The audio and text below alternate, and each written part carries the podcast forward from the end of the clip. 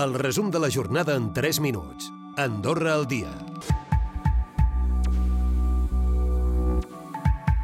Hem arribat a la jornada nova dins d'aquesta campanya electoral, però no hem perdut de vista les altres notícies que han ocupat el temps d'aquesta redacció. El Tribunal Superior ha rebaixat dos anys la pena al condemnat per dues temptatives d'assassinat per les quals està complint condemna de 14 anys. El Superior manté una condemna d'assassinat de 7 anys i rebaixa l'altra a homicidi, per la qual n'haurà de complir 5. Per tant, es rebaixa tot plegat fins als 12 anys. I seguint amb el superior, el tribunal manté els 3 anys de presó per un condemnat per tràfic de drogues que va ser detingut arran d'una fuita d'aigua a l'edifici on vivia al setembre del 2020. I és que en rebre la visita de la policia va llançar una motxilla amb cocaïna pel cel obert. Una altra de les condemnades, en canvi, ha vist com se li rebaixava la pena d'un any a sis mesos. A més, també es revocava la pena d'expulsió del país per 10 anys. I deixem la crònica judicial, anem a parlar de tabac, perquè avui ha començat la tradicional classificació de tabac que realitza sempre a Borda Mateu.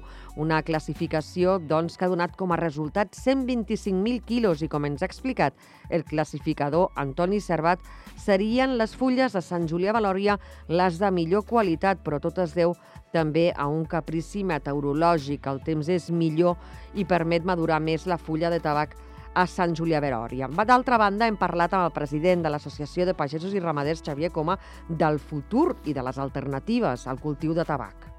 Alternatives, complements que puguin arribar a ser una alternativa al cultiu del tabac. Entre ells hi ha el cultiu del cànnabis eh, medicinal i terapèutic i són fórmules que s'estan estudiant.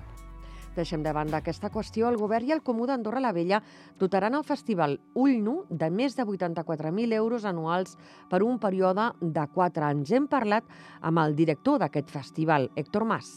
Volem que el festival sigui un eh, pilar en la indústria audiovisual del país. No? Al final, eh, per una banda, despertar l'interès dels joves perquè tinguin, vulguin dedicar-se a això, coneguin què és el que s'està fent, conèixer ser un lloc, un punt de trobada no? de creadors joves o no joves d'Andorra i de fora d'Andorra.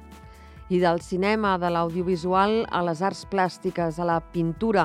Fins al 20 d'abril, l'Hotel Roc Blanc d'Escaldes d'Engordany acull l'exposició Paisatges d'aquarela de la Mireia Tarrés. L'artista ens explica per què pinta. Pinto pel que m'emociona en un moment determinat. M'agrada el moviment de les ciutats, les llums i sempre buscant moments del dia que tenen un plus, no? ja sigui el moment del capvespre, o un dia de pluja, o un dia de neu. I per acabar direm que utilitzar formes genèriques per textos adreçats a col·lectius o visibilitzar el gènere quan ens adrecem a una persona concreta són algunes de les pautes per evitar el llenguatge sexista que s'han recollit a la Guia de Llenguatge Inclusiu de la Universitat d'Andorra. Recupera el resum de la jornada cada dia a AndorraDifusió.d i a les plataformes de podcast.